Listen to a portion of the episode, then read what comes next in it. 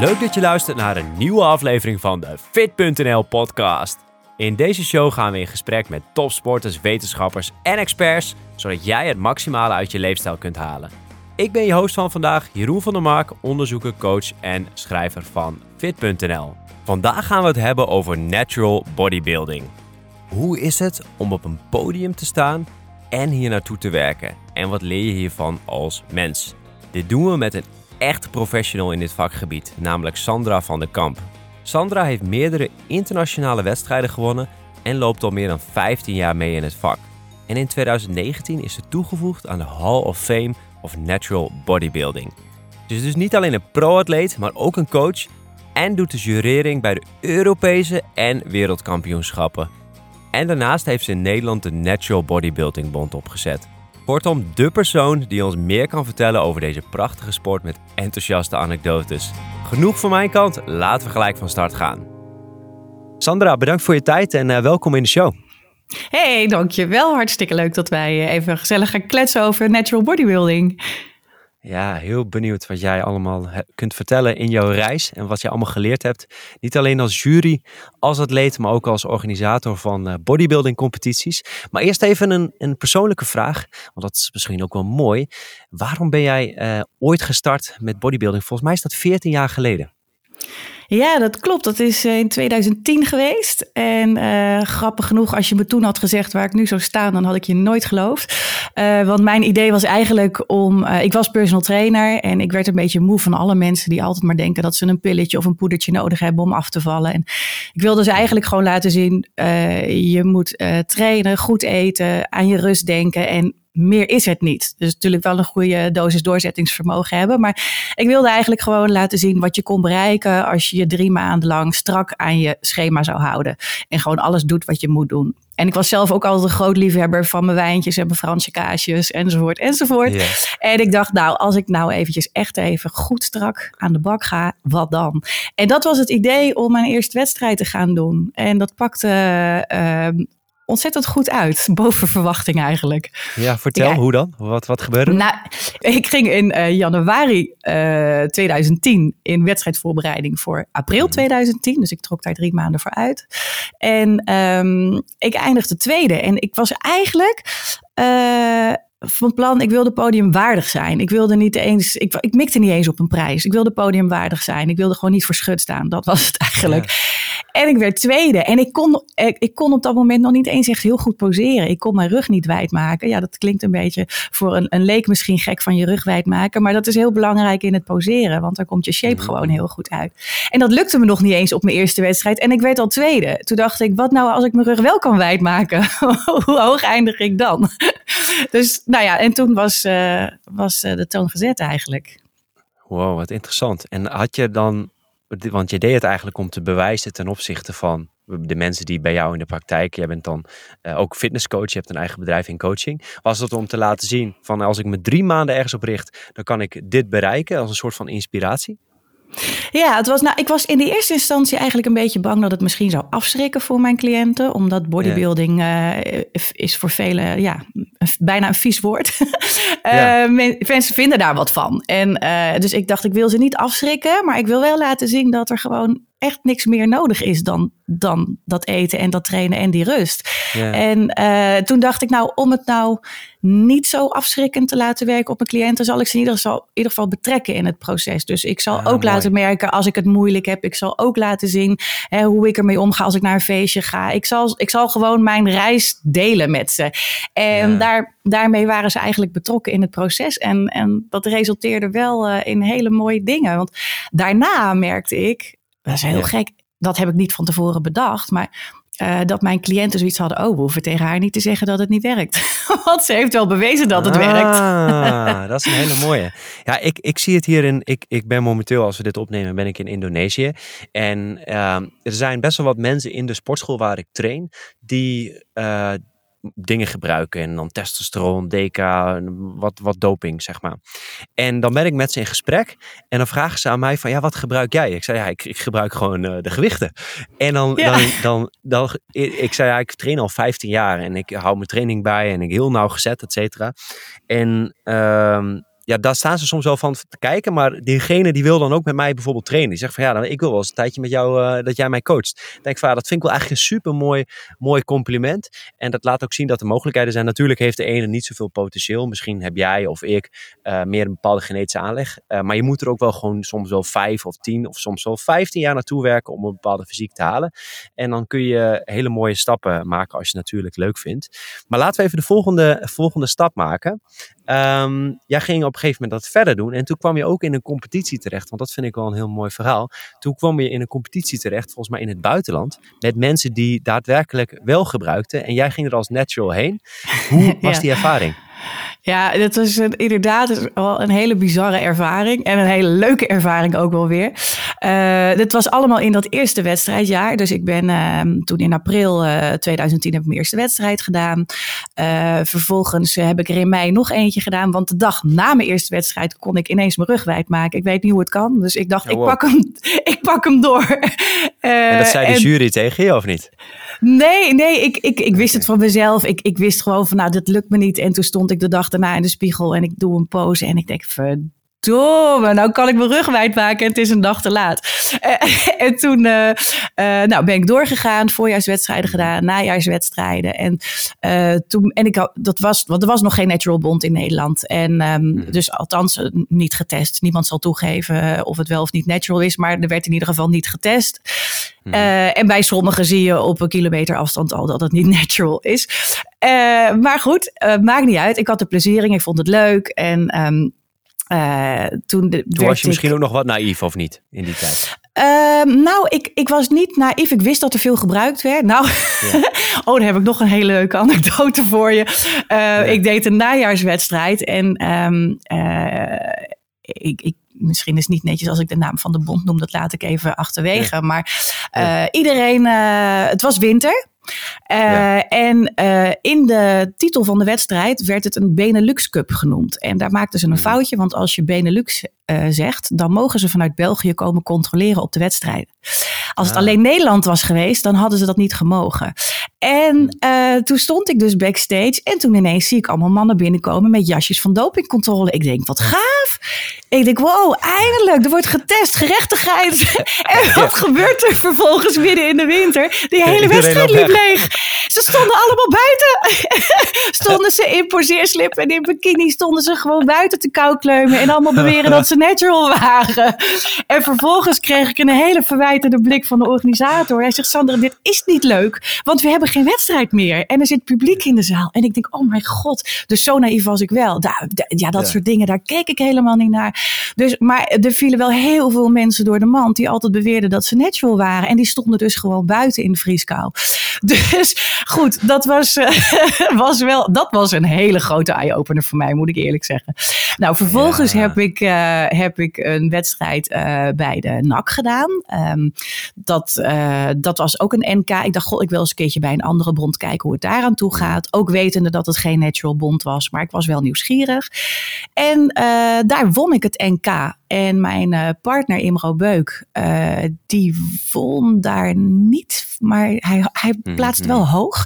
Maar wij deden daar ook uh, dus met z'n tweeën. En toen vanuit die NAC werden wij uitgenodigd van, goh, we vinden jullie wel een heel leuk setje. Willen jullie niet mee naar de NAC Universe in Duitsland? Uh, om voor ons als mixpers uit te komen. Nou, ik vond het natuurlijk fantastisch, want ik had alleen nog maar in Nederland gestaan. Dus het was allemaal in dat eerste jaar. Um, dus wij zeiden ja. Uh, ik denk, en dan puur voor de ervaring. Maar goed, als je dan een NAC-wedstrijd in Nederland hebt, zijn ze al mega groot. En ik won daar, dat moet ik wel zeggen, dat vond ik wel heel bijzonder dat ik won. Uh, ja. Want er was nog niet eens een bikini-klasse toen. Dat heette figure. En figure is weer een categorie gespierder dan uh, bikini. Maar bikini was nog helemaal niet bij de NAC. Uh, maar toch won ik dat NK.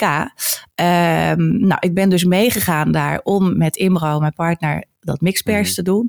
Nou, en ik moet je eerlijk zeggen, die beleving al voor mij het eerste jaar. Wij liepen daar met een team. We liepen met jasjes aan van NAC Team Netherlands. En ik zeg, kijk ons gaan. We lopen hier in een team, een bodybuilding team.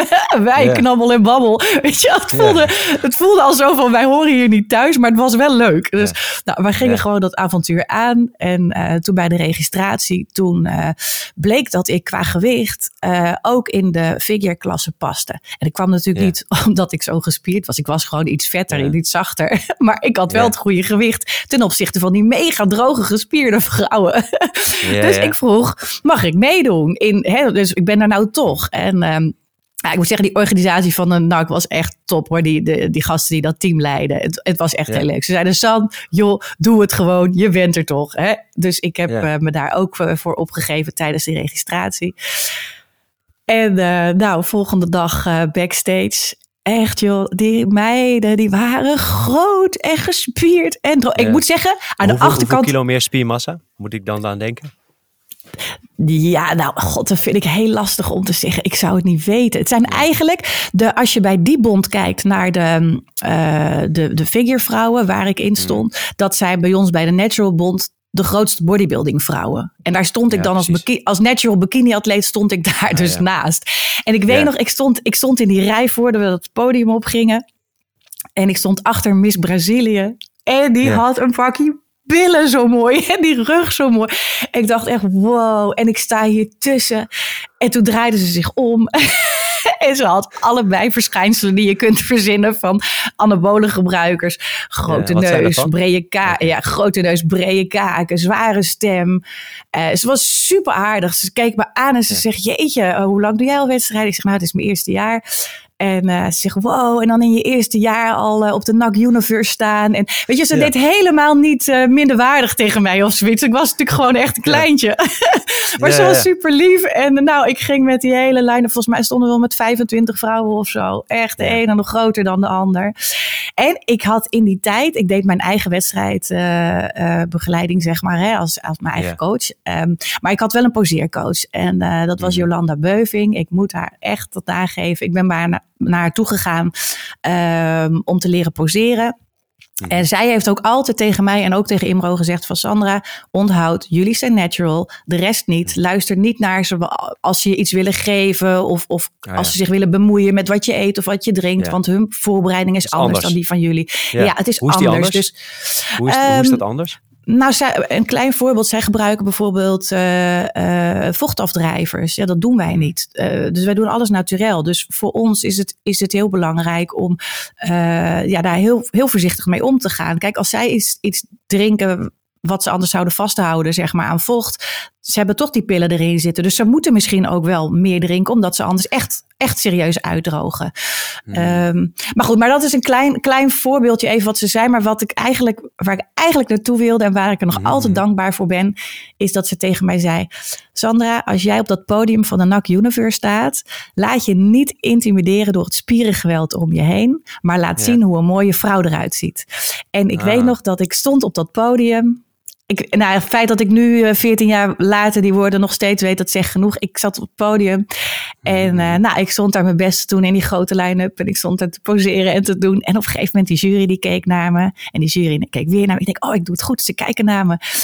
en toen op een gegeven moment kreeg ik zo'n vlaag van onzekerheid dat ik dacht, oh, straks denken ze, maar god, wat doet dat meisje daar? Ja, die, hoort hier, die hoort hier helemaal die, niet. Die, die inni mini. En ik denk, oh, dus ineens kreeg zo'n vlaag van onzekerheid. En toen dacht ik aan de woorden van Jolanda. En dacht ik, oh nee, wacht even. Morgen zie ik er nog steeds uit als een vrouw. En morgen zien die andere vrouwen, hoe mooi nu ook op dat podium, er nog steeds uit als, ja, sorry dat ik het zeg, als een man. En ja. Ik, dat, dat gaf mij wel uh, het zelfvertrouwen om te genieten van mijn podiummoment. Ondanks dat ik natuurlijk ver beneden in de scores ben geëindigd. Ik bedoel, een kansloze missie. Maar ik heb er wel echt van genoten en van geleerd.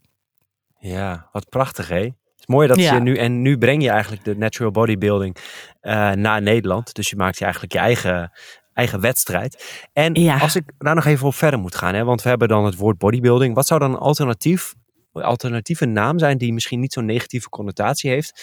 Zowel voor mannen als vrouwen. Zouden we dan een ander woord moeten gebruiken voor natural bodybuilding? Ja, het is natuurlijk wel als je het heel letterlijk vertaalt, het is wel bodybuilding. We bouwen een lichaam, letterlijk. Dat, dat is wat we doen. Dus in die zin mag het bodybuilding willen dat heten. Zeggen? maar het heeft ook zo. Zeggen? Hoeveel mannen willen daarvoor uitkomen? Als je dan in de gym gaat, dan zeg je ja, ik doe fitness. Maar er zijn weinig, weinig die zeggen van ja, ik doe een bodybuilding. Maar eigenlijk wil iedereen, ja, de meeste mensen naar de sportschool gaan, willen wel meer spier, spiermassa. Dus ze doen aan bodybuilding. Ja. ja. Je zou het bijna. Eigenlijk, voor mij is het eigenlijk is het gewoon fitness. Weet je, je werkt aan een gezond lijf, je werkt aan een strak lijf, je werkt aan een fit lijf. Uh, maar we bouwen wel naar de juiste verhoudingen. Um, ja, god, hoe zou je het anders moeten noemen? Ik heb er ja, misschien fitness slash bodybuilding. ik weet het niet. Ik vind het lastig. We, hebben, we hebben deze discussie ook vaak met uh, mijn mede-bondspresidenten uit andere landen.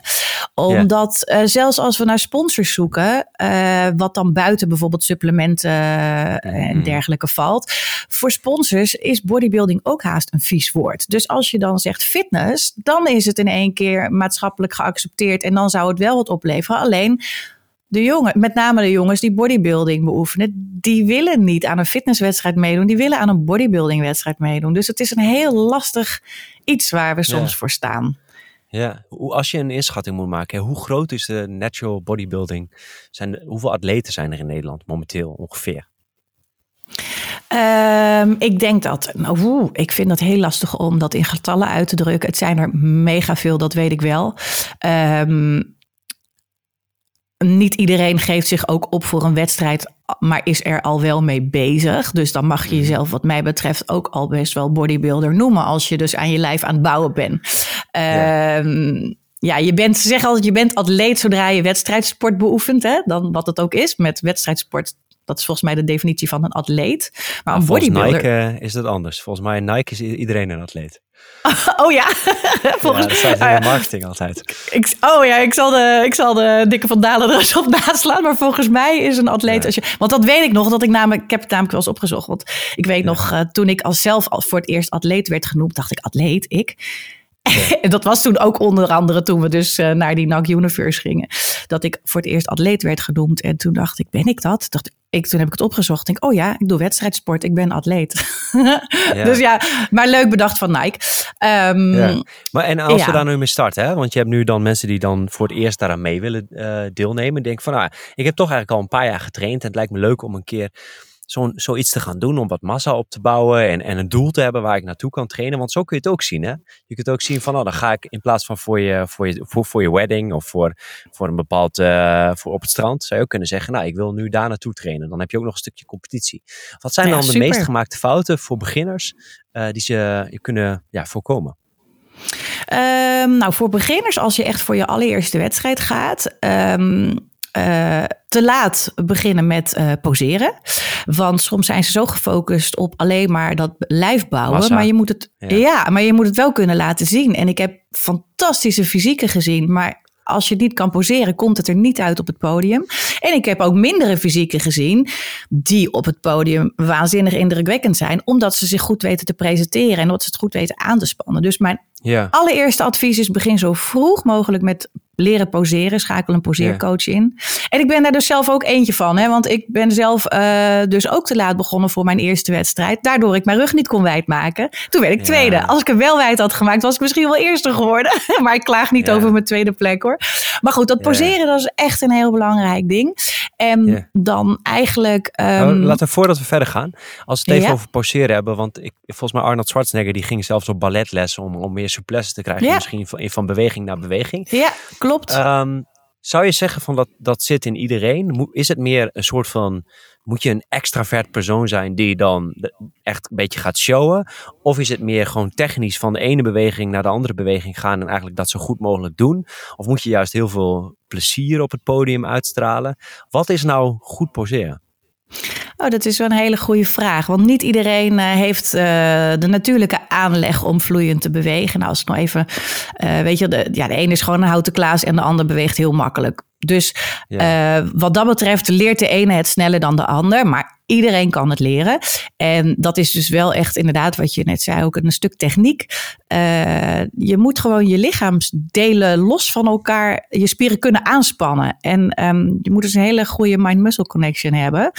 Uh, maar dat is wel te leren. En als je eenmaal die poses aangeleerd hebt die je moet doen, uh, dan gaat het over de transities, dus de vloeiende overgangen van de ene pose naar de andere pose. En als je dat hebt, dan ziet het er al een stuk gelikter uit. en dan moet je gaan laten zien dat je er inderdaad plezier in hebt. Uh, Dan komt natuurlijk dat stukje show erbij kijken. Um, ja, dat is gewoon super belangrijk. Als ik aan het jureren ben, het eerste wat ik doe, weet je, en zeker met grote line-ups op internationale wedstrijden.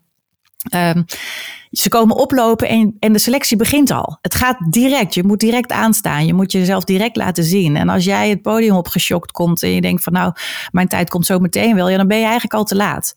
Ja, dus, het is echt die ehm, eerste indruk. Als eigenlijk als je uit de kleedkamer komt, moet je al er staan.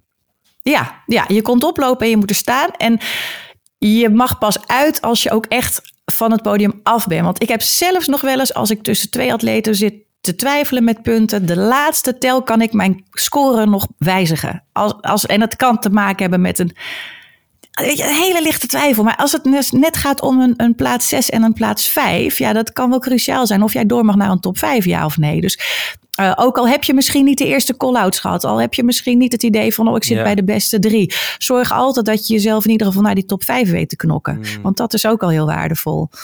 Ja, en dan kun je, dat geeft je ook zelfvertrouwen. Dan kun je misschien denken, oh, ik ga volgende keer weer meedoen en dan kom ik weer de volgende stap maken. Ja. Voordat we verder gaan met deze aflevering, wil jij sterker worden, meer spiermassa opbouwen en effectief trainen met een plan dat bij jou past? En zie je door de bomen het bos niet meer al die informatie over training en voeding. Wat werkt nou echt? We snappen dat dit lastig is en dat je meer een plan wil dat bij jou past. Fit Pro is de oplossing die jij zoekt. Wij selecteren een trainingsplan dat bij jou past, bij jouw doel en niveau. Of je nou thuis of in de gym wilt trainen. Zo weet jij zeker dat je het maximale uit je training haalt. Daarnaast krijg je toegang tot onze cursussen om alles te leren over training, voeding en gezondheid. En heb je vragen? Stel ze in de Fit Community. Daar staan onze coaches en andere leden klaar om jou te helpen. Ben je benieuwd? Start gelijk met Fit Pro. Ga naar fit.nl/pro voor meer informatie of check de link in de show notes. Nu terug naar de aflevering. Als we nu een volgorde moeten maken, um, waarop gejureerd wordt, is dat dan eerst bijvoorbeeld uh, volume, dan droogheid, dan hoe iemand poseert? Wordt daar, is daar een bepaalde volgorde in, in de jurering?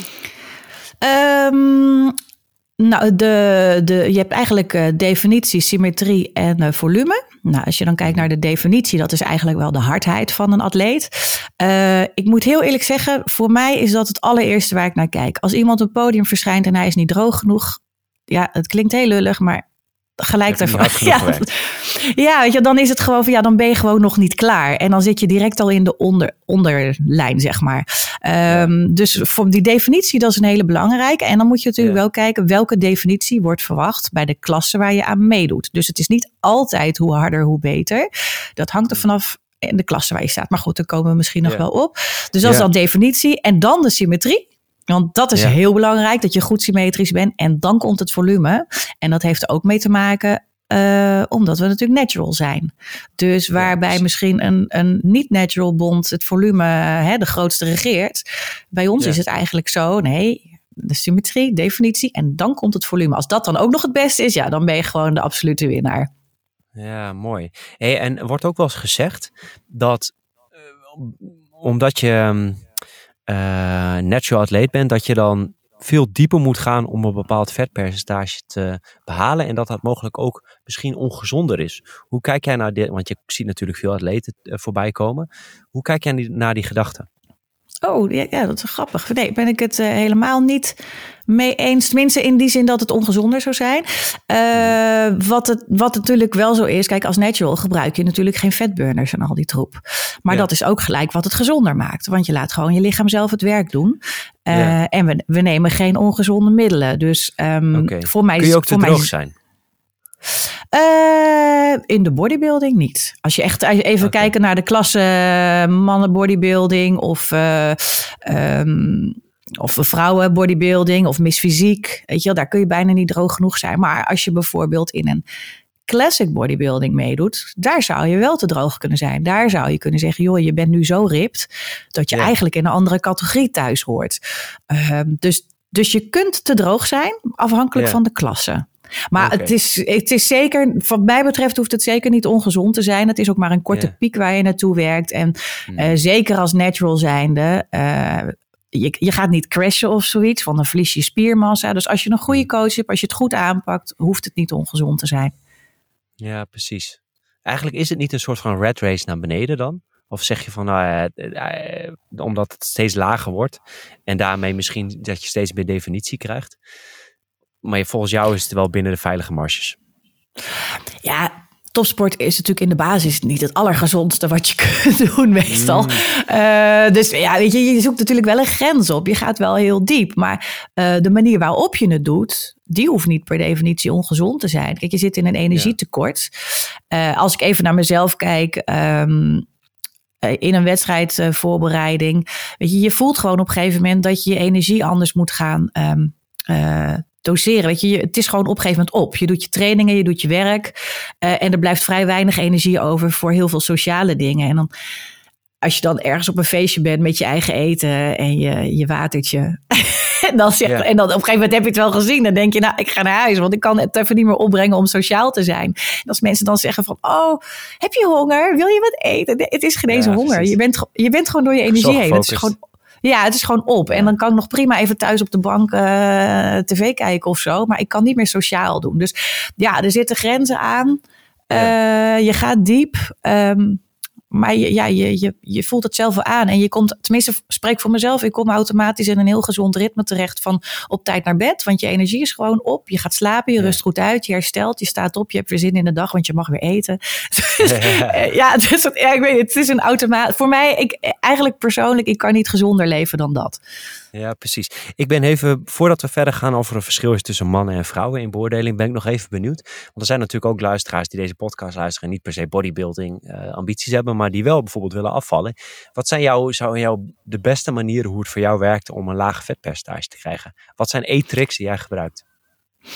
Uh, nou, ik weeg sowieso alles af. Dat vinden mensen soms uh, ver gaan. Ik vind het helemaal niet ver gaan. Het maakt voor mij inmiddels echt geen verschil meer of ik mijn bord op het aanrecht zet of mijn bord op een weegschaal. En die heeft op nul ah. druk. Uh, ja. ja, en dat, ja, voor mij is dat echt geen. Dat is zo'n gewoonte. en kijk, je moet gewoon weten wat je eet. Om te weten of jij in je negatieve energiebalans zit. Dus nou ja, voor de, voor de leek, we, hè, je kunt eucalorisch eten. Dat betekent dat je even, evenveel inneemt als dat je gebruikt. Dan blijf je stabiel. Wil je afvallen, dan moet je dus minder innemen dan dat je gebruikt.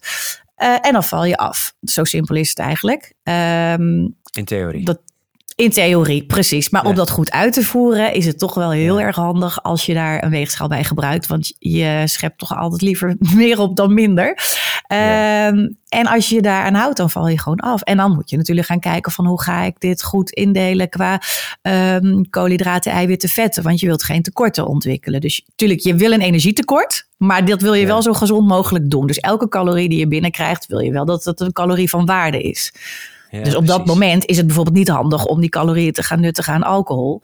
Want heeft je lichaam niet zoveel aan. Dan kan je beter mm. zorgen dat je je koolhydraten, eiwitten, vetten op peil houdt. Ja, precies. Dus daar, dit is een, jij bent dan waarschijnlijk dat je heel goed met met, met, met cijfers om kan gaan. En dat je eigenlijk gewoon, ik heb een plan en ik ga dat vervolgens doen. Maar er zijn natuurlijk ook heel veel mensen die heel veel verleidingen moeten weerstaan. En jij hebt gewoon een doel voor ogen en daar werk je naartoe. Dus dat is eigenlijk ook een beetje een luxe positie met de gemiddelde persoon die dat natuurlijk niet heeft. Dus uh, mooi dat je daarvan door hebt. Ik ben even benieuwd uh, hoe dat zit uh, met jurering. Want we hebben natuurlijk mannen en, en vrouwen. Worden die dan ook op dezelfde dingen beoordeeld? Je hebt heel veel verschillende klassen. Maar als we even in algemeenheid kijken, worden er op ding, andere dingen gelet? Uh, in principe worden er op dezelfde dingen gelet. Um, als je even kijkt naar de verschillende klassen die er zijn voor mannen en vrouwen. Uh, bij elke verschillende klasse um, heb je verschillende jurycriteria. Dus bij de ene um, uh, moet het heel erg gespierd zijn. Bij de andere moet het iets minder gespierd zijn.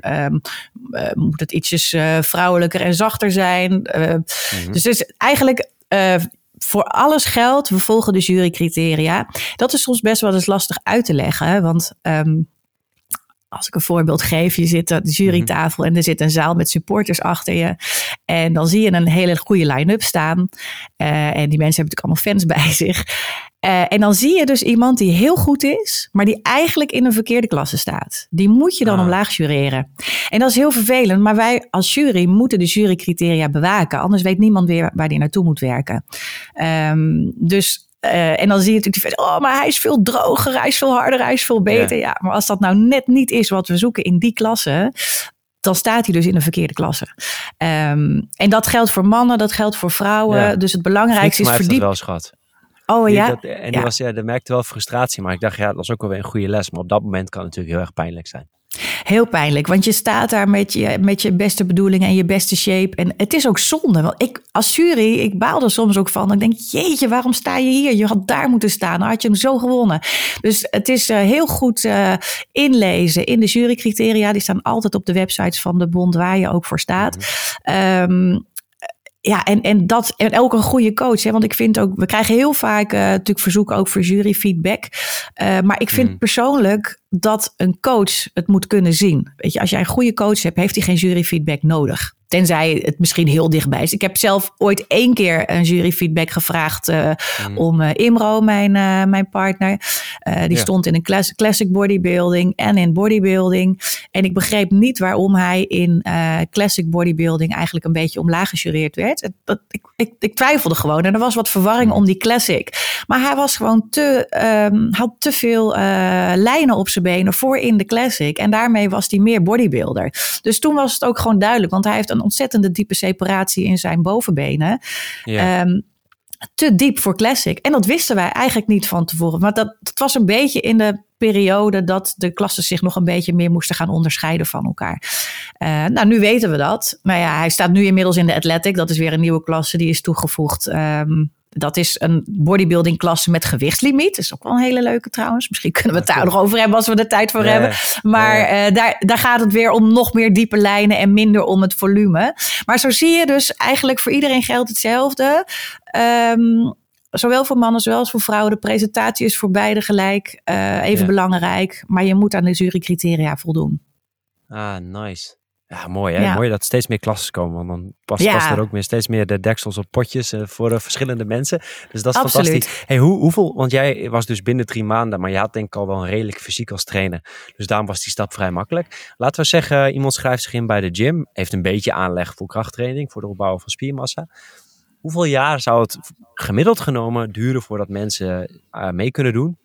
Eh, en redelijk comfortabel voelen en niet per se hoeven te winnen, maar dat ze in ieder geval daar staan en denken van, oh ja, ik, ik, ik hoef me niet te schamen. Ehm, dat zeg je heel goed overigens over mijzelf. Dat ik dat natuurlijk niet in drie maanden heb eh, bij elkaar gebokst. Dat drie maanden was inderdaad alleen maar om mijn vet te verliezen.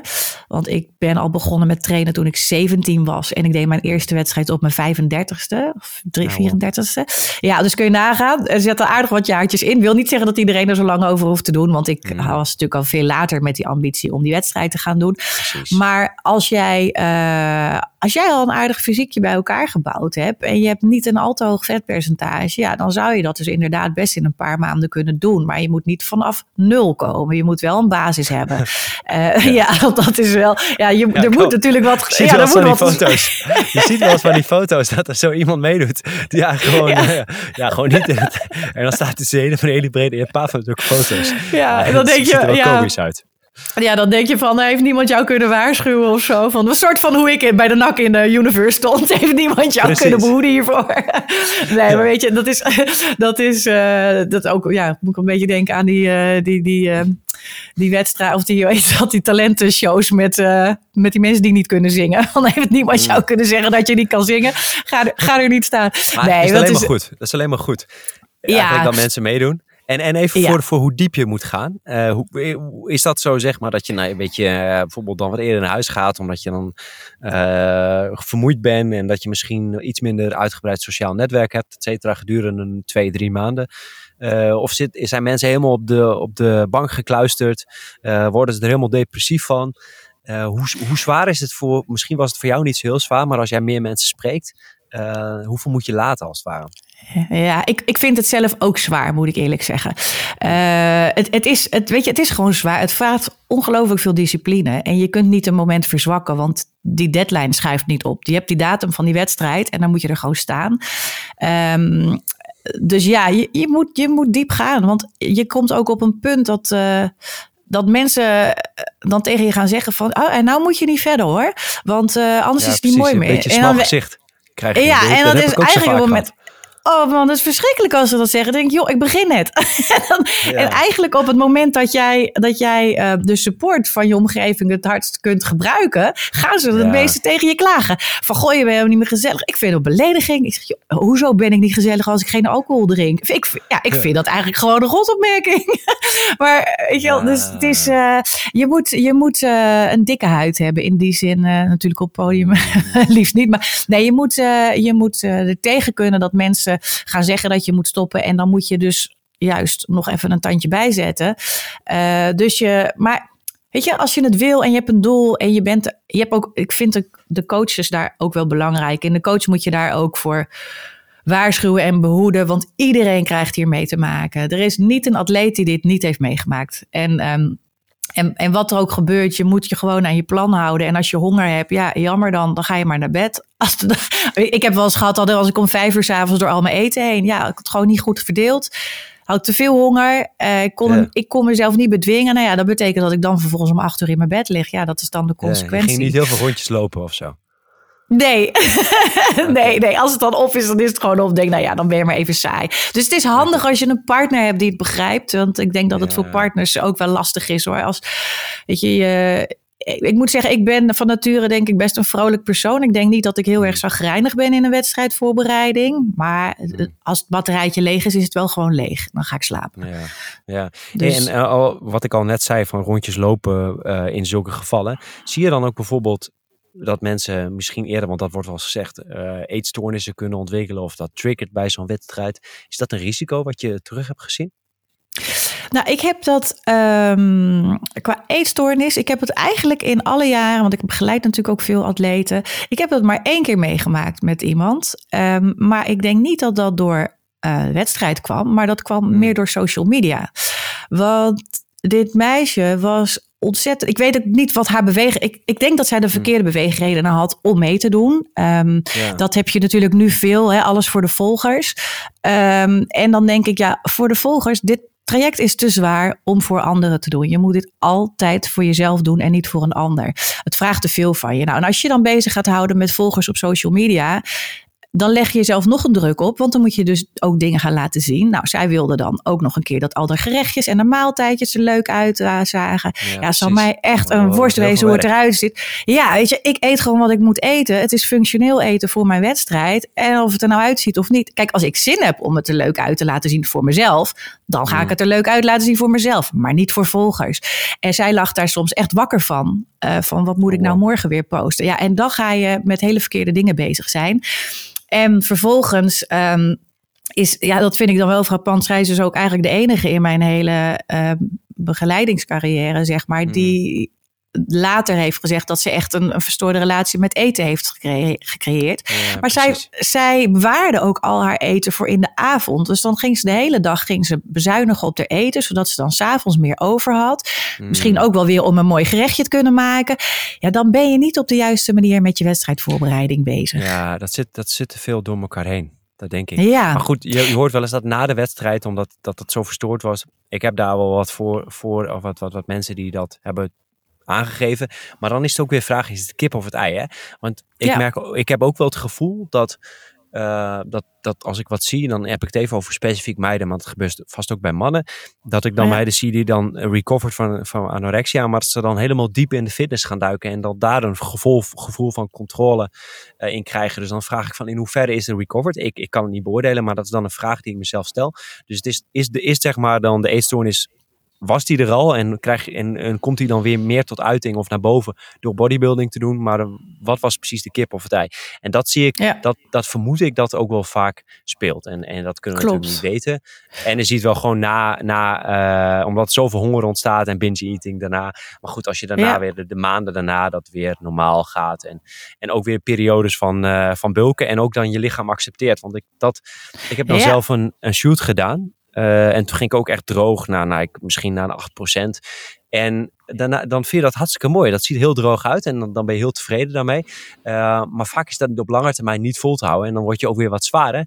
En eigenlijk wil je weer terug naar die fysiek die dan uh, droger is. Maar ik weet dat het, dat het niet, niet de beste methode is om spiermassa te behouden. Want je moet gewoon ook gewoon periodes van wat meer bulk aanhouden. Dus ik kan mezelf dat wel weer spreken van, joh, die fysiek moet ik niet all year round hebben. Um, want dat is gewoon geen goed idee als ik echt gewoon sterker en gespierder wil worden. Uh, maar dat is wel iets wat ik heel mooi vind. Uh, je slaat de spijker op zijn kop. ideaal is. Ja, dus ja, ik als, ervaar als je dat zelf ook, want dat heb ik. Maar ik weet niet hoe jij dat ervaart. Ja, je slaat echt de spijker op zijn kop. Want ik denk dat dat hier vaak ook uh, misgaat. Uh, omdat uh, mensen die dan in een wedstrijdvoorbereiding gaan, je bent wedstrijd klaar. Maar ze realiseren zich niet dat die piek maar heel kort is. Die, dat je er zo uitziet. Als ik mijn wedstrijdfoto's kijk, denk ik, wauw. dus ook altijd mm. de dag daarna, bye-bye apps. Weet je wel, daarna. Het ja, is gewoon precies. daarna. Ja, het is, het is maar een hele korte, een korte periode dat je zo bent. En ik denk ook, ja. je moet zeker niet bang zijn om wat aan te komen. Ik denk dat vooral vrouwen bang zijn om aan te komen na een wedstrijd. Ik vind ook, ja. je hoeft niet overmatig aan te komen. Maar waar vaak op bezuinigd wordt door atleten, en dat vind ik echt jammer, of vaak, soms misschien niet vaak, soms, ja. um, is dat ze na een wedstrijd uh, niet meer investeren in een coach. Dus ze investeren in personal mm. training of personal coaching naar de wedstrijd toe. En daarna laten ze het vallen. Ja, want het is natuurlijk wel kostbaar, een coach. Maar die coach die helpt jou ook in uh, je off-season plannen. Uh, hoe, wat, hoe ga je eten? Hoe ga je om met ja. je sociale dingen? Hoe hou je de balans? Hoe ga je je massa bouwen? Hoe ga je aan je achterwer uh, achterblijvers werken? Ja. Dus ja, dus dat is um, super belangrijk. Dus ik denk de coaching is zowel naar de wedstrijd toe als daarna heel belangrijk. En inderdaad, ja. accepteer en omarm ook je lijf wat je gewoon hebt met een vetje extra daarna. Want die heb je ook uh, best wel nodig. Ja, en ook voor gewoon, je hebt gewoon energie nodig om massa op te ja. bouwen. Ja. ja. En dus eigenlijk wil je het zeggen tegen atleten die misschien een beperkt budget hebben, investeer, investeer één maandje langer dan eigenlijk de wedstrijd. Precies, precies. En doe desnoods uh, dan nog één keer in de maand even een check met je coach. Of, uh, uh, en als je er moeite mee hebt, trek aan de bel. Maar inderdaad, na de wedstrijd een plan maken. Hoe ga ik eten? Hoe ga ik, ja, dat zeg je helemaal goed. Een maandje extra ja. zou perfect zijn. Ja, ja over, over een maandje extra. We hebben het ook even over jouw carrière. Want ik las dat je gestopt bent. Je hebt een hele mooie wedstrijd gewonnen. Je hebt meegedaan met Natural Olympia. daar een eerste en een vijfde prijs, prijs gewonnen. Uh, en daarna las ik in een Facebook post dat je, uh, dat je stopt. Nou ja, ik, volgens mij zijn er aardig wat voetbaltrainers die soms terugkomen. Dus misschien is dat voor jou ook wel het geval. Uh, dus A, A, is de vraag, stop je definitief? En wat was de reden om te stoppen? Uh, een mooie vraag waar ik gelijk kippenvel voor krijg, moet ik hmm. bekennen. Het is iets wat, uh, wat uh, jaren speelt. Mensen moeten altijd lachen als ik zeg ik stop, want ze geloven het inmiddels niet meer. Maar in deze laatste wedstrijd. Jij. Zoiets, ja. maar ik ben het, deze laatste wedstrijd heb ik echt wel beleefd. Ook in de hele voorbereiding als mijn laatste. Op het podium heb ik hem beleefd als mijn laatste. Ik kan me ook herinneren het moment dat ik daar stond op dat podium. Ik dacht, Sam, absorbeer het moment. Het is van, ik vind het heerlijk. Ik heb ervan genoten. En ik denk dat dat ook zichtbaar was. En dat was ook de klasse die ik won. Het was het. Nou, het was, voor mij was dit de allermooiste wedstrijd. Ik had ook een soort van what's next. Het was het 25-jarige bestaan van de Natural Olympia. Uh, op de Natural Olympia uh, is voor mij ook gewoon echt de mooiste wedstrijd. Ik ben pro bikini master. Uh, en er zijn, um, als ik bijvoorbeeld naar een WK in Europa ga, daar zijn niet zo heel veel pro bikini masters. Um, ik, ik, wil gewoon een mooie grote line-up hebben met, met meiden waar ik tussen hoor. En dat heb ik op de Olympia. Welke leeftijd?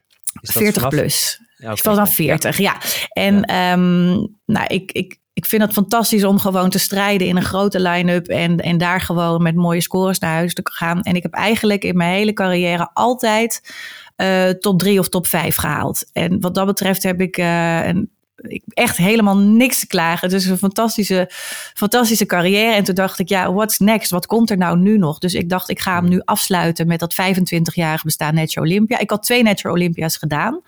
Maar ik realiseer me ook, ik ben ook wel een van de oudste, zelfs in de 40 plus. Want ik word volgend jaar, of wel dit jaar, 50, einde ja. van het jaar. En ja, en toch als je 50 bent en je hebt iemand die net de grens van 39 naar 40 is, dat is een groot verschil in fysiek. Um, ja. Ik wil niet zeggen hoe, dat... Je dat in? De huid met name. Dus um, okay. kijk, het voordeel is als je ouder bent. Ik heb echt ongelooflijk veel jaren van training achter de rug. Dus als je het hebt over symmetrie en dat hele pakketje bij elkaar bouwen, mijn symmetrie durf ik te zeggen, die klopt wel aardig. Uh, ik heb altijd nog mijn verbeterpunten, maar in symmetrie zit ik, zit ik goed. Um, en dat is natuurlijk een voorsprong die je hebt wel op jongere meiden die nog niet zo lang heb kunnen trainen. Um, ik ben met krachttraining begonnen toen ik 17 was. Ik had nog geen benul waar ik mee bezig was. Maar weet je je bent gedurende de 14 jaar wedstrijden wel echt na elke wedstrijd aan het verfijnen en in je achterblijvers aan het werken. En dat doe ik nog steeds. Um, zodat als het moment komt van nou eventueel toch weer dat podium op, dan ben ik klaar voor de strijd. Maar om op je vraag terug te komen, is het echt de laatste? Uh, ik dacht ja, hierna komt er eigenlijk niks meer voor mij. Dus um, ik ga gewoon lekker bezig. Ik ben natuurlijk uh, bondspresident voor Nederland. Ik organiseer dit jaar het WK. Ik heb zoveel challenges uh, wat dat betreft uh, nog op de agenda staan. Mm -hmm. dus ik dacht, misschien is dit ook wel een mooi moment om dan daar een punt achter te zetten. Maar, ja. maar afgelopen Natural Olympia ging ik dus het eerste jaar mee zonder zelf mee te doen. Mm -hmm. En ik kijk op de agenda en ik zie daar staan Pro Bikini Grandmasters. Dus dat betekent 50 plus. Ik denk, wat? Dat bestond dus nog niet. Ja.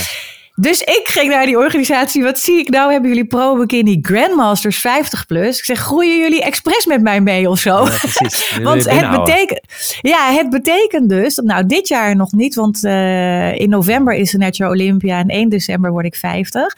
Maar het betekent dus als ik in 2025 een comeback zou willen maken, dan zou ik dus de Pro Bikini Grandmasters in kunnen. En nou weet ik nog niet of ik dat wil, maar ik heb afgelopen jaar gekeken hoe de meiden eruit zagen. En ze waren geweldig. Dus mm. ik dacht, ja, dat is toch wel weer gaaf. Ja, we groeien mee. De bond groeit mee. En um, ja, mm. dus wie weet uh, komt er toch nog een comeback. Maar ik, ik beloof nog niks. ja, mooi. Hey, en als we kijken naar leeftijd, hè, want jij zegt van, uh, ik, ik, ik ben bijna 50. Maar je traint al heel lang. Heb je het idee dat je vanaf je 35ste dat je herstel veel minder goed wordt of het opbouwen van spiermassa veel minder makkelijk gaat? De meeste vrienden van mij die rond de 30 of 35 zeggen allemaal ja, ik krijg allemaal pijn, kleine pijntjes, ik raak snel geblesseerd, uh, want ik word ouder. En ja, ik weerspreek ze altijd. Ik zei van ja, volgens mij komt het gewoon omdat je niet de prioriteit op herstel en training hebt en daar niet de ja. focus ligt. Natuurlijk zijn er mensen met die genetisch natuurlijk iets minder de loterij hebben gewonnen, maar ik heb het idee dat veel te veel mensen denken denken dat, dat zeg maar al op relatief jonge leeftijd zeg maar, uh, dat ze achteruit gaan.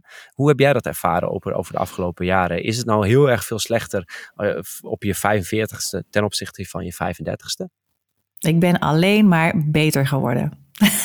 ook, als ik ook terugkijk. Qua, ook qua training en herstel? Ja, ja ik, ik, als ik, ik. Nou ja, ik moet even afkloppen, maar ik heb eigenlijk nooit mm. blessures. Ik heb geen pijntjes, alleen spierpijn. Uh, ja, en, en dat moet je gewoon goed uh, doseren met je, met je rustperiode wanneer je wat traint. Um, maar ik, ik heb eigenlijk. Het is ook heel grappig als je mijn foto's terugziet van toen ik 35 was of nu bijna 50. Mijn fysiek ja. is nu beter. Zelfs mijn off-season fysiek is nu beter dan mijn allereerste wedstrijd fysiek. En dat vind ik wel heel grappig, wow. want ik was super ik was super trots. Ik heb die foto's aan de muur hangen bij mij in de gym.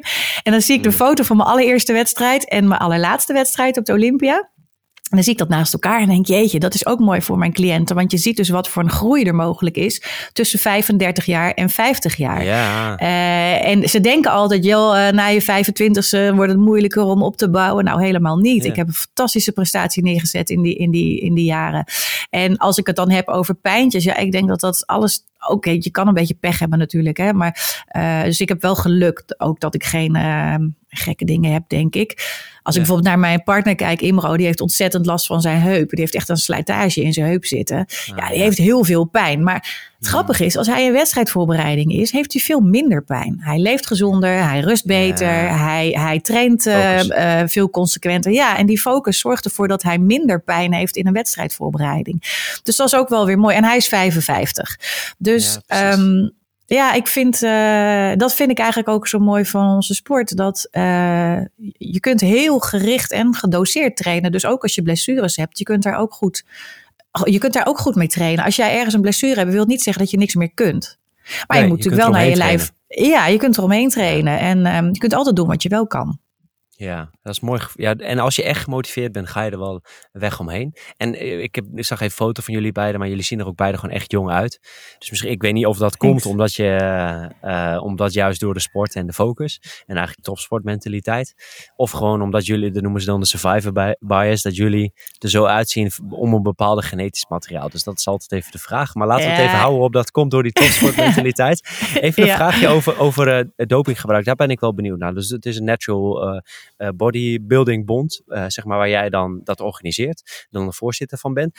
Maar hoe weet je nou zeker dat iemand net zo is? Wordt, daar wordt dan, je zegt, nou, in België kwamen ze dan langs om een test te doen. Uh, wordt iedereen getest en hoe weet je nou zeker niet dat iemand een jaar geleden wel gebruikt? Kun je dat, kun je dat uitzoeken? Uh, ja, wat een beetje lastig is uh, in dit verhaal, is dat als je natuurlijk nieuwe mensen bij je bond krijgt, uh, ja, je kunt dat natuurlijk nooit verifiëren wat iemand hmm. vorig jaar heeft gedaan. Ehm, dus wij laten mensen.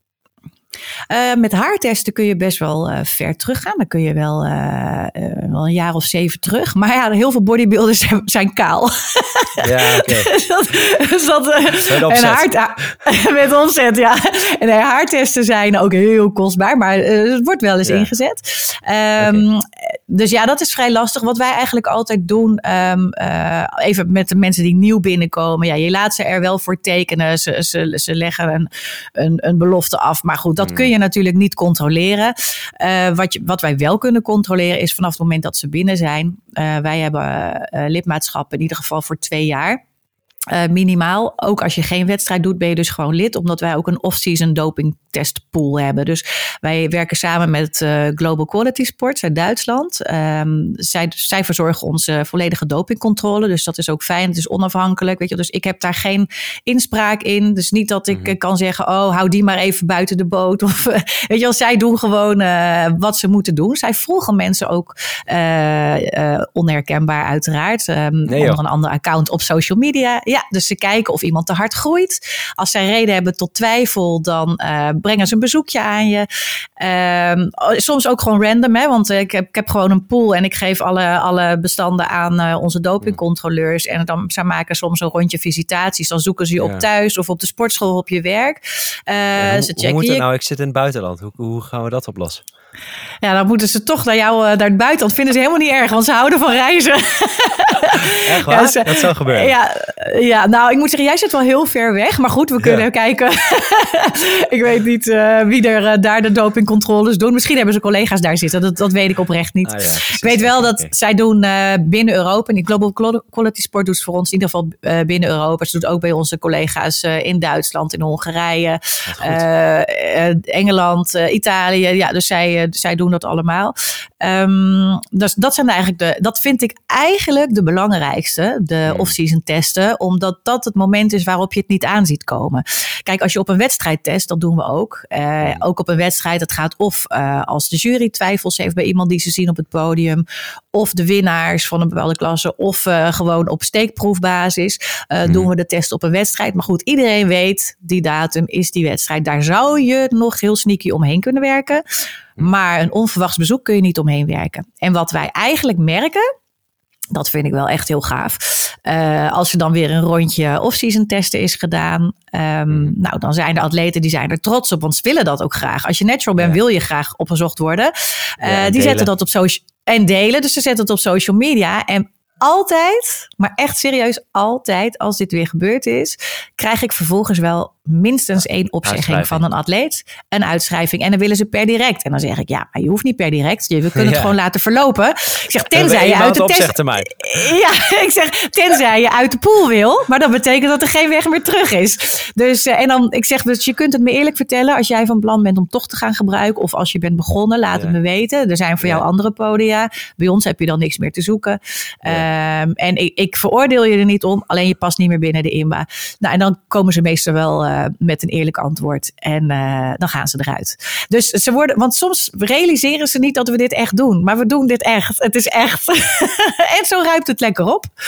Ja, zo houden we de boel zo schoon. Dus je hebt het heel eerlijk, je hebt het nooit helemaal waterdicht. Hè? Ik, eh, ik zou liegen als ik dat zou beweren. En het kan niet. Wat we kunnen doen, is de, uh, de jurycriteria goed bewaken. Want mm. bij ons wint niet automatisch de grootste. Dus je hebt er ook niks aan. En weet je wat ik heel opvallend vind? Dat wil ik toch even kwijt. Als je dan. Podcast over. Ik, ik ga lekker achter. Ja. nee, maar ik vind dat wonderbaarlijk. Want als ik dan kijk wie er allemaal positief getest worden. Op bijvoorbeeld een Olympia. En dan, ga, dan moet je maar eens kijken op uh, naturalbodybuilding.com. Dat is van onze global eh, organisatie. Daar staan dan alle gebruikers met foto en alles erop en eraan. Het zijn nooit de beste atleten. Het zijn altijd de atleten die er eigenlijk of helemaal niet goed compleet zijn. Of niet droog genoeg. Of, dus als je heel goed bent, wil helemaal niet zeggen dat je dan het, het lijkt wel of juist de jongens en meisjes die wat minder goed zijn gaan gebruiken. Ja, dat, niet, niet om mezelf op de borst te kloppen, maar ja, zeg maar in de gym waar ik dan het rondlopen een aantal mensen gebruiken. Maar ah, ik ben sterker, kan meer dingen. Ja. En uh, over het algemeen is mijn fysiek ook groter. Uh, maar het komt gewoon wat heel veel jaren in zit. En ik, om eerlijk te zijn, ik geniet van dat proces. En ja. heb je een stukje genetische aanleg, waardoor je misschien het proces ook leuker gaat vinden. Want dat vind ik wel heel belangrijk om te zeggen. Als je die eerste. Kijk, als je, als je niet goed kunt voetballen, dan ga je voetballen vaak ook veel minder leuk vinden. En dat zie je ook met deze sport. Dus dat moeten we niet vergeten. En, en als mensen denken van ja, hebben een bepaald lichaamsbeeld en daar problemen mee en, en willen daarom groter worden en voelen zich dan beter uh, door misschien op een wat veiligere manier te kuren. En dat is voor hun een manier om te leven. Ja, helemaal prima. Iedereen moet zijn eigen ding doen. Uh, Maar voor mij niet. Dus ja, eh, mooi dat er in ieder geval andere bonden zijn. Maar even terug naar, de, de naar jouw bond. Um, waarom heb je die, zeg maar, de natural bodybuilding naar Nederland gehaald? Um, Oh, sorry hoor, er ging even een piepje in mijn computer. Um, waarom heb ik de natural bodybuilding naar Nederland gehaald? Nou, dat vind ik een, um, een mooie vraag. Uh, dit is. Die heb je zelf gesteld. Ja, dus ik ben blij dat, blij, blij dat, jij hem, uh, dat, dat jij hem ook stelt. uh, want uh, in 2016, nou dat is ook wel weer grappig. 2016 had ik een WK waar ik derde werd in Hongarije. En toen besloot ik, lag niet, om te stoppen met wedstrijden. Alweer. Dus ik heb het al vaker bedacht. En toen kwam de Europese president naar mij toe en die zei: Sandra, um, ik weet dat je moeite hebt met stoppen. uh, jij lijkt ons een fantastische ambassadeur voor ons natural bodybuilding in Nederland. Zou jij bondspresident voor Nederland willen worden? Mm uh, dacht ik, wow, dat vind ik wel heftig. Want eigenlijk ben ik hartstikke druk en ik heb hier eigenlijk voor mijn gevoel helemaal geen tijd voor. Dus ik zei, nou mag ik hier even over nadenken. Want als ik het doe, wil ik het goed doen. Ja. Um, en want ik ging dus al wel, ik zat dus al wel bij de IM. Ik was dus al naar de IMBA gegaan. Ik ben in 2014 naar uh, Las Vegas gegaan. Toen las ik voor het eerst over de IMBA. Toen dacht ik, oké, wedstrijd in Las Vegas. ik ga meedoen. Voor? Uh, International Natural Bodybuilding Association. Okay. Um, dus ik dacht, ik ga naar Amerika. En dat was eigenlijk voor mijn eigen atleten die ik begeleide. Want ik dacht, ik wil nu. Ik wist, ik was een beetje klaar met al dat dopinggebruik om me heen. Want hmm. ik scoorde wel goed, maar ik, het ging me toch tegenstaan dat ik altijd het gevoel had dat ik de enige natural was op het podium. Dus ik ging naar Amerika. Ik heb uh, daar meegedaan. Ik dacht, ik ga eens even checken of dit echt natural is. Want ze kunnen zoveel zeggen. En toen kwam ik daar en uh, nou, iedereen werd daar uh, ook direct getest. maar ook het hele sfeertje en de hele... En iedereen wilde daar ook... Dat was ook grappig. Iedereen betaalde daar ook zelf voor zijn dopingtesten. Want iedereen wilde ook gewoon getest worden. Um, ja, en, en de hele sfeer was anders. Ik denk, wow, dit is gaaf. Nou, dus zodoende, dat was 2014, heb ik de overstap gemaakt voor mezelf naar uh, de IMBA. Mijn partner Imro is naar de IMBA gegaan. Die werd vervolgens in 2015 gelijk wereldkampioen. Want uh, ja, en hij had natuurlijk ook altijd tussen de gebruikers gestaan. En hij scoorde nooit ah. uh, internationaal in ieder geval. Daar paste hij drie keer in, die bodybuilders. En ja. daar in één keer werd hij, werd hij gewaardeerd om zijn droge, symmetrische fysiek. En hij hoefde niet de allergrootste te zijn, dus dat was fantastisch. Nou, toen, uh, omdat ik natuurlijk ook nog veel wedstrijdbegeleiding deed. Um, ja, dan krijg je ook nieuwe atleten bij. En om nou die nieuwe atleten direct naar Amerika te sturen voor een wedstrijd of ergens anders in de wereld. Soms wil je ook gewoon in eigen land eerst even uitproberen of het wat voor je is. Want het is natuurlijk, het reizen is hartstikke gaaf, maar het is wel een hele Super kostbare duur. aangelegenheid. Ja. ja. Dus toen op een gegeven moment, uh, toen ik gevraagd werd voor dat bondspresidentschap voor Nederland, Um, toen kreeg ik de zoveelste atleet bij mij in de periode dat ik er nog over na aan denken was. Mm-hmm. Dat ik zei, ja, als je dan mee wil doen, het kan wel. Maar als je natural bent, ja, dan, nou, dan, moeten, we, dan moeten we naar Slowakije of dan moeten we daar. En toen dacht ik, wacht even San. hier, daar gingen de alarmbellen rinkelen. Ik denk, er zijn zoveel mensen die hier in Nederland dat natural podium willen en verdienen. Ja, tijd of geen tijd, dit moet gewoon gebeuren. Uh, dus toen heb ik ja gezegd. Uh, en dan heb je nog niks, hè? Want het is niet dat je dan een leuke zak geld krijgt van hier ga maar wat opbouwen. Je begint eigenlijk gewoon met opbouwen vanaf scratch, gewoon niks. Maar het, wat je mag is de naam gebruiken. Uh, en je krijgt natuurlijk wel de steun van al je collega's uh, om je heen in de omringende landen. Nou, we zijn nu mhm, inmiddels mhm. bij de IMBA, zitten in meer dan 70 landen. En die support die is wel echt heel fijn. En uh, nou, toen uiteindelijk uh, durfde ik het nog niet direct aan om een wedstrijd te organiseren in 2017. Want ja, je hebt, ik heb dus eind 2016 ja gezegd. 2017 ben ik wel teams gaan verzamelen. Daarmee zijn we wel internationaal gegaan. En toen daarna was ik klaar voor de volgende stap. En dat was dus het organiseren van wedstrijden. Nou, en dat is echt fantastisch gebleken. Dus de wedstrijden zijn mega populair. Atleten zijn blij, atleten zijn dankbaar. En het is Mooi. ongelooflijk veel werk. Maar als ik dan toch ja, dat, dat raakt me dan echt als ik dan uiteindelijk zie hoe het allemaal samenkomt op zo'n podium. En alle naturals met alle jaren van het harde werk. En dan gewoon eerlijk gejureerd worden, eerlijke mm. competitie, een eerlijk podium. Mm. Ja, ik, daar, ja, dat vind ik gewoon fantastisch. En wat dat betreft heb ik nog geen dagspijt gehad. Nice. Ja, eigenlijk komt alles samen en je gunt mensen ja, eigenlijk een nieuwe ambitie, een nieuwe passie. Ja, dat, En je krijgt natuurlijk een hele grote groep mensen die, elkaar, die bij elkaar is. Wat ik vaak hoor als mensen naar uh, zo'n wedstrijd meedoen, is dat het een heel erg steunend is. Tenminste, dat hoor ik van mannen. Ik weet niet hoe dat zit bij de vrouwen achter uh, in de kleedkamer, maar dat mannen elkaar eigenlijk heel erg goede feedback geven en elkaar positief, positief bekrachten. Is dat ook zo bij vrouwen? Absoluut. Ja, bij vrouwen ook, absoluut. Het is, uh, en, en helemaal, ik heb natuurlijk het verschil gezien in de natural en de, en de niet-natural werelden. Um, en het is ook veel minder geheimzinnig, want we hebben niks te verbergen. We gebruiken geen middeltjes. Het is, weet je, de natural atleten kennen ook heel goed hun eigen lichaam. Uh, ze weten wat voor hun werkt, ze weten wat niet mm. werkt. Um, het is open, het is eerlijk, het is supportive. Iedereen weet hoe lang. Kijk, er is geen quick fix. Je moet gewoon uh, jaren investeren um, in het bouwen naar zo'n lijf. Dat lijf staat er niet in van de een op andere dag. Ik ben één keer, um, mm-hmm. zo wel grappig. Ik ben een keer op de Natural Olympia, uh, ben ik een keertje, even kijken, zeg ik het goed? Ik werd vier, vierde. Ja, ik werd mm-hmm. vierde. En het meisje dat won was een Koreaanse.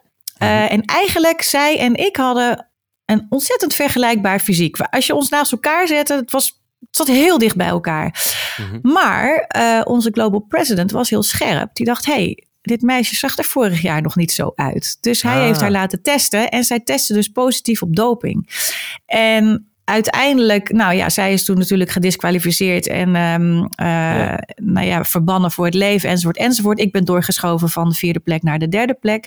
Mhm. Maar het stomme is, als je ons dus naast elkaar ziet, wat zij heeft opgebouwd in een jaar, daar heb ik over gedaan vanaf mijn zeventiende. Ah, dus ja. ik was daar bijna twintig jaar mee bezig. Uh, wat? Meer? meer? Want uh, ik bedoel, ik ben op mijn 35ste voor het eerst het podium opgegaan. Toen stond ik nog niet op de Olympia. Dus ik weet even niet meer hoe oud ik toen was. Maar, um, dus, maar even het verschil. Dus je moet gewoon geduld hebben als natural. En, um, uh, en dat is natuurlijk het grote verschil. Je kan echt wel een leuk lijf opbouwen met doping in een hele korte tijd. Maar als natural moet je echt, echt geduld hebben. Ja, ja vertel mij wat.